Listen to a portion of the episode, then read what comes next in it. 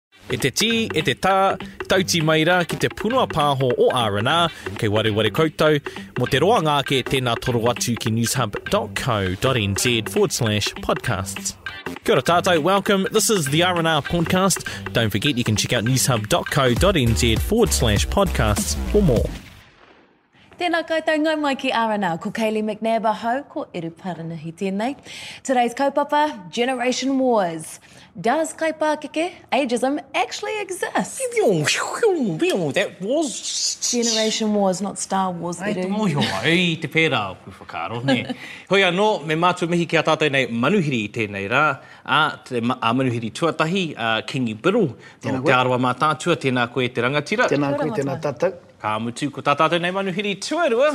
Uh, no te kamupene from uh, the spin-off, spin-off journalist Alice Webb-Ladol. Kia ora. Tēnā koe te tuahine. Okay, here's a question for both of you. What is actually ageism? Yeah, ageism is just discrimination based on age, and I think that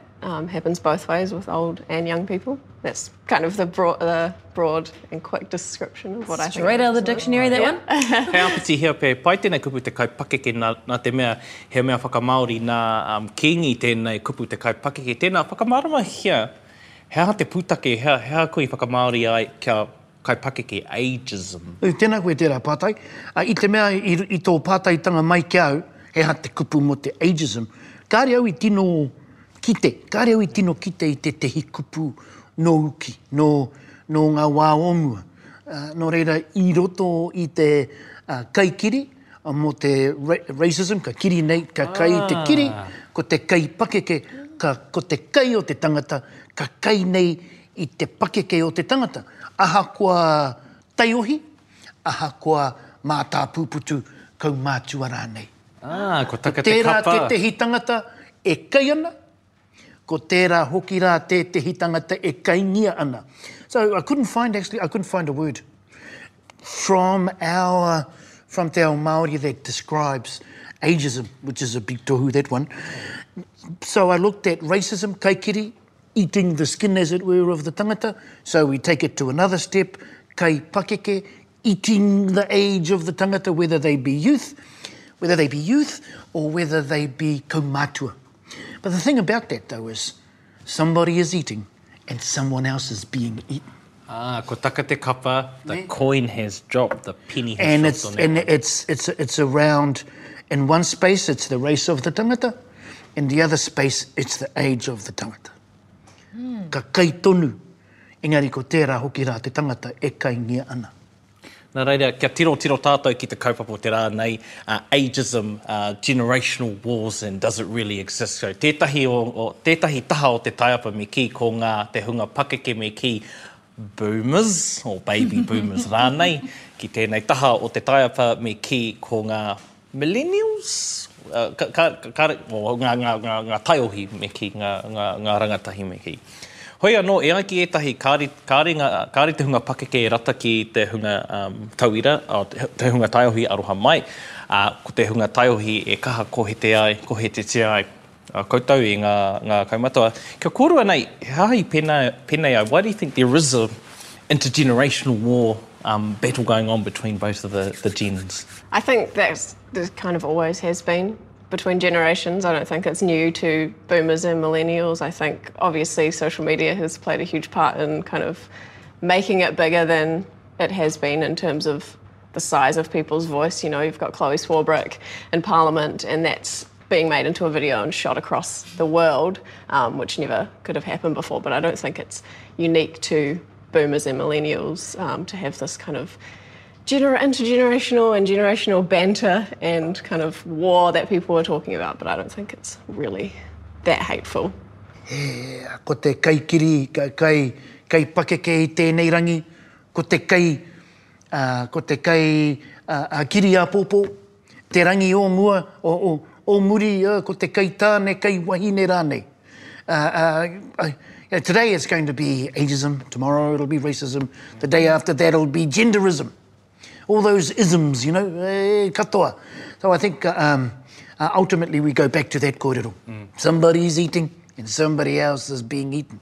Ko te tikanga, ko te tangata e kai ana, nāna te kai.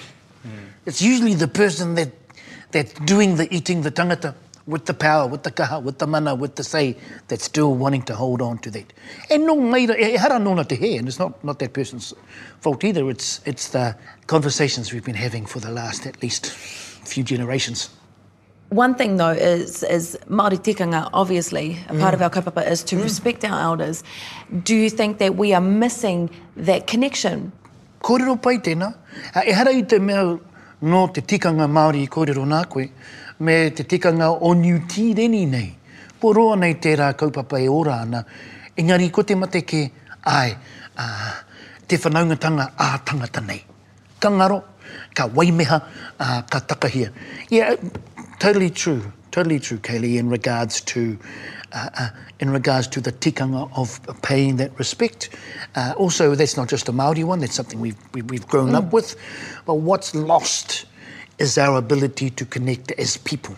Mm. Alice, is there a disconnect? Mm. I think there is a disconnect, and I don't think it has to be that way. I think the um, what I was saying before with the kind of social media plays a huge part in creating that divide between people and between groups of people. So you've got these boomers who are being kind of singled out as all nimbies, and. Um, and then you've got these millennials and, and anyone younger who are you know, being singled out as, as not caring about anyone else and things like that. But you actually talk face to face this conversation here. I mean, I, I would say there's a couple of different generations in hmm. this conversation, and where I don't, I don't feel uncomfortable. I don't feel like oh. I'm being singled out about anything. So I think when you're actually meeting face to face, it completely dissolves that whole um, kind of divide that we're seeing online.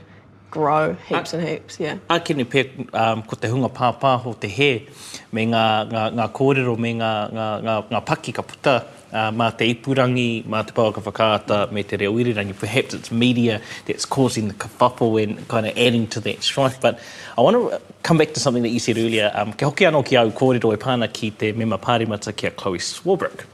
Now, uh, i Tērā tētahi rā i tū ia, ā, rongonui rawa atu āna kōrero me te kī, Ok boomers. Now, I really want to address this because i tāwāhi au te wā tuatahi kitea e au tērā momo kīanga, Ok boomers. I was overseas and here's me thinking, Oh, must be a band from New Zealand. Oh, cool, I can't wait to hear their tunes. Hoi anō, tērā, tērā, tērā, tērā. Tēnā, whakamārama mai, he aha te Ok boomers, what is Ok boomers? Okay, boomer is just a way, you know, we've said our arguments in depth and people don't want, still don't want to hear it. We've said, we've been trying to be smart about it and explain the stats and explain why we sh- why people should listen to us. Um, and OK Boomer is just kind of a, a last ditch attempt of just you know we've said what we what you wanted us to say and that didn't work, so OK Boomer. It's just kind of a dismissive like, all right.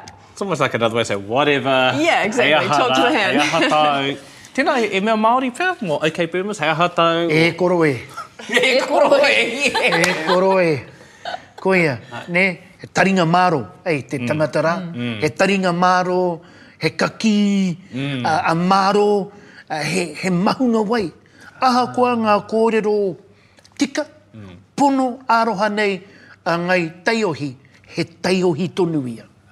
Ahakoa kāre ia i rongo, kāre ia e rongo ki wana taringa, ka rongo nei ia ki wana karu. Ah, e kuia e. Hey. Hey. They're like, just like, oh, koro, oh, e. They, they, uh, these ones in power, let's just say, Alice, they don't listen. They know, they know. They're the ones that have been there for such a long time. You're just a child. How would you know? ne? That's, that, that's the dismissive kōrero. Ari te mea he, he kaupapa Māori tēnā. Mm. Rongo nei koe ki ngā kōrero a Anne Salmon. Aye. Dr. Anne Salmon. Uh, ngā kōrero a Captain Kukima. ā, ā, i haere atu rātou ki ngā kaupapa wānanga nei, ā, i noho nei ngā kuia me ngā koroua me ngā tamariki ono tau te pakeke. Engari te mea ki te whakarongo, engari ki te whakaputa, ki te whakapuaki i ngā kupu me ngā kōrero. You know, this is like really weird, it's like, three of these things belong together, because it's not Māori. Waiata mai. It's not Māori. Ā, Doctor Anne Salmond talks about the writings of Captain Cook and, and those of the time who would go to Wānanga. E, I rotu i a kōrua o Ngāti Porou. There would be Wānanga, There would be kuia and koroa sitting at the table, well, at the, at, at, the, at the wānanga. Then there would be people as young as six years old. Six years old sitting there, not there to dutifully listen, but to put in their kōrero, to, to share their kōrero and their whakaro, and to have that kōrero listen, be heard. So you know that particular kōrero e tātou mā didn't come on a waka.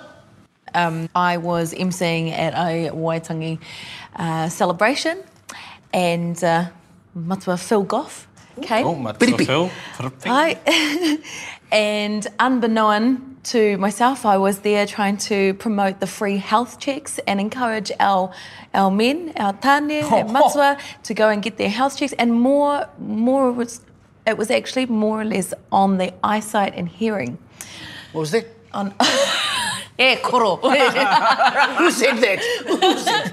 I had said to uh, Matua Piripi, um, Matua, when was the last time you went and got your eyes and ears checked? And he turned around to me and he said, Oh, are you being ageist? and I was like, Oh, no, um, I'm just saying because, uh, you know, and I had to backtrack.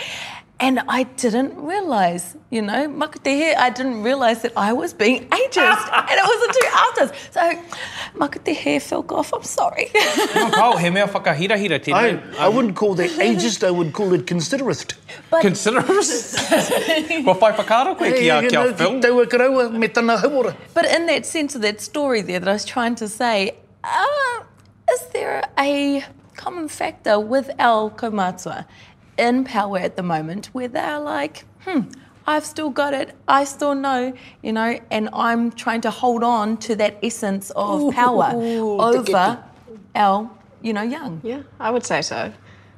But yeah, I think especially in Parliament is a good example of you've got a lot of older men um, who, and older women, but a lot of older men who are kind of holding on to it and and they know that you know they've been in it for ages they kind of um, kind of take their experience and use that over other people's fresh knowledge um, and kind of back in my mm. day yeah exactly and platform that they mm. platform that a lot uh, higher than than fresh knowledge like someone like chloe swarbrick um, which yeah i think it is an issue but i don't think it's you know i don't think again i don't think it's a fresh issue Tētahi kaupapa whakahirahira pea e hāngai ana ki te kōrero, and we're talking about um, ageism, does it really exist, you know, intergenerational wars. I want to talk about employment.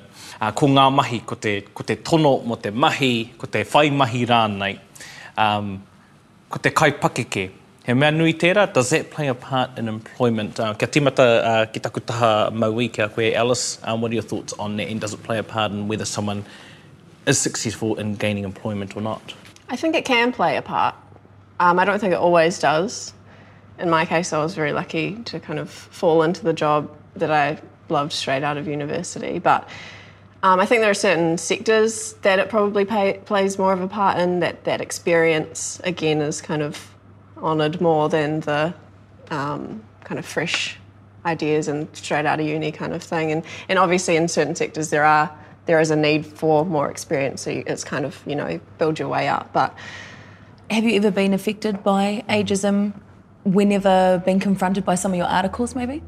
Maybe, oh, how do you know this? You're too mm. young. Mm. i yeah, I've come across ageism when articles have been published, definitely. Um, certain topics, I mean, I've just been covering quite um, a lot about the uh, cannabis referendum and so there's a lot of science behind that, obviously. There's a lot of facts. You've got to talk to a lot of people, and, you know, I'm not an expert on that. So I've got to kind of do my research and make sure that I'm talking to the right people. And there are a lot of people in comments, which are, I mean, there's always a lot of people in comments, but just saying, you know, you, you don't know the science, you're not a scientist. And it's like, yes, that's exactly why I've talked to five scientists that are,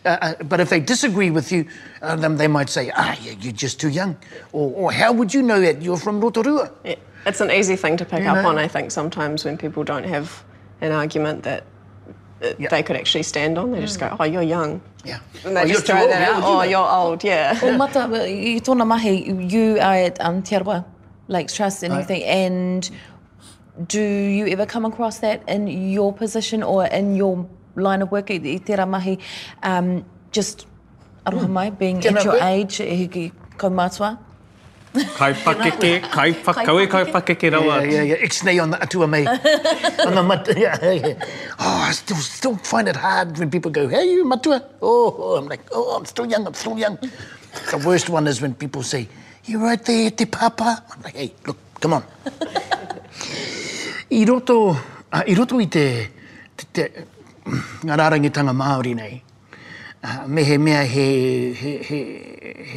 irāmutu koe, mehemea ki tētehi tangata, ki tētehi koroua, ki tētehi kaumātua me noho pononga koe, me noho kūpapa koe ki tērā tangata. You know, if you're the nephew, that's where it really comes in.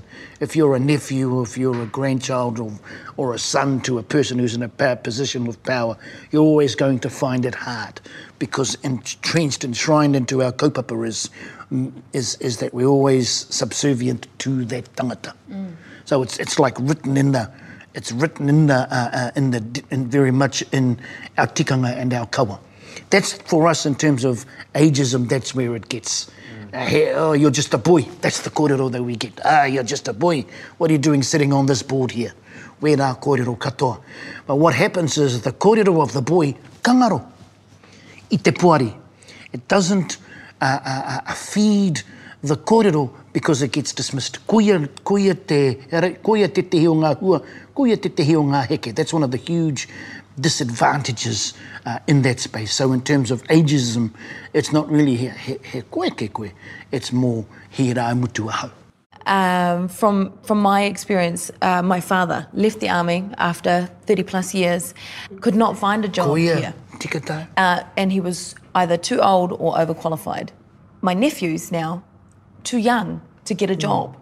At 12, 13, I rocked up to a veggie store and said, Hey, I'll clean your floors, I will stock your shelves. And I've worked my whole entire life ever mm. since. How are we supposed to mm, inspire? Inspire and ignite. He murmurera o tōna rangatahi. How are we supposed to ignite our rangatahi to find the jobs, to, to find the, the confidence to go out there and work? I think that comes from the top. I think you got to first inspire the people who are who have the jobs to allow them to give the you know, to allow them the option of, you know, there is this 14 year old who will do just as good a job as someone out there, and and they have something to prove as well, you know. They're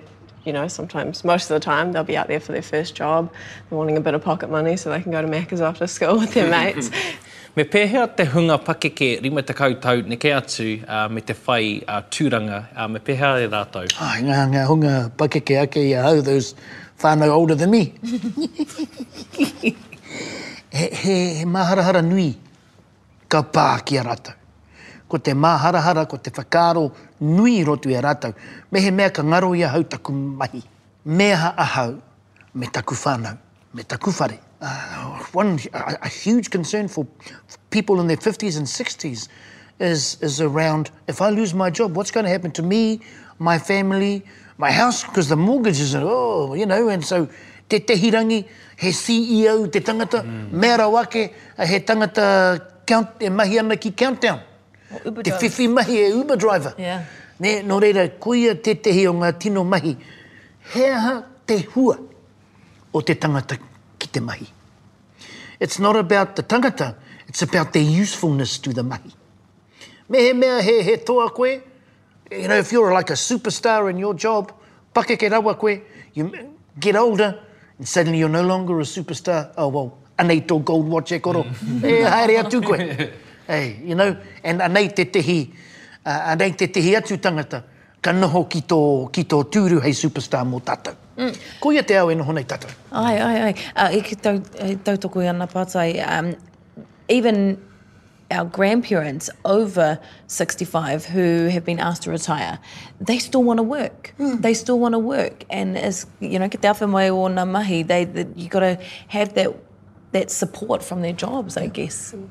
Yeah, my papa started working in a supermarket um, after he retired from his, I think he was in accounting. He's very good at maths, so it was something to do with that. But yeah, started working in Countdown. And I, I don't think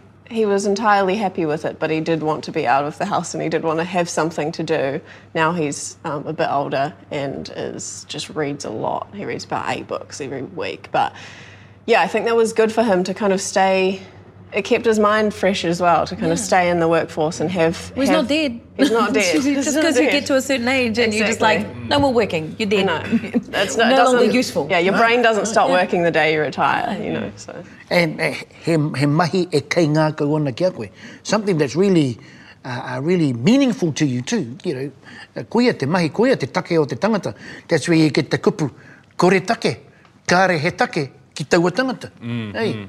And so, when kāre he take, when there's no take for the person, then that's, oh well, ka tere māuiui, they quickly get sick because there's no reason. You know, so me whāngai i a tātou. Hey, and um, e rau ki a au, ko te tauira pai e pā ana ki tēnei kaupapa, ka noho tonu ki roto i a Star Wars. Nē, ko Ruk, e Ruka, ko au tō pāpā. e kao, engari ko te noho a, a Obi-Wan Ben Kenobi me, me tana pononga, ei, ei, a, a Ruka. I a ia te mātā pūputu, i a ia te mātauranga, i a...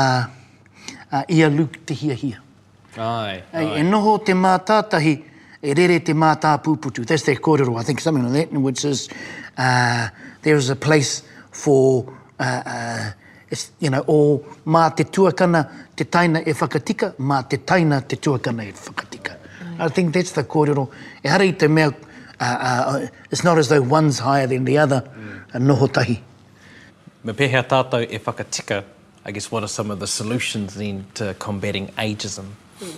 I don't think there's one solution and I don't think there's a solution that's going to happen overnight because ageism has always been a thing and it always will be.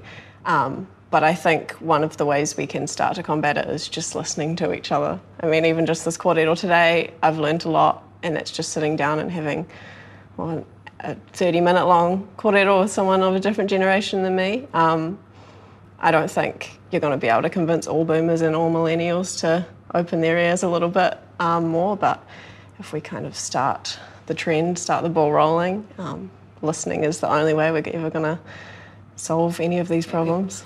Ei. Ai, a tāhua rawa ki au kupu re. Hmm. Uh, uh, if, if, if I were to add anything to what, what would be the answer, I think as the older elder statesman at, at this table, I feel upon that I need to say something uh, uh, that really makes a difference, that really, you know, because I'm, you know, and that is, I agree with you, Alice. Kia ora. Koia. Not because you're the rangatahi, And I'm the rangatahi. Because he tangata koe. And that's what we seem to forget. All these kei, kei kiri, kei pakeke, kei tāne, kei wahine. What it blinds us is that he tangata tātou. Āe rā. Kei hea te tangata i roto i te rangatahi? Kei hea te tangata i roto i te koroua, te kuia, te tāne, te wahine rānei? Āe.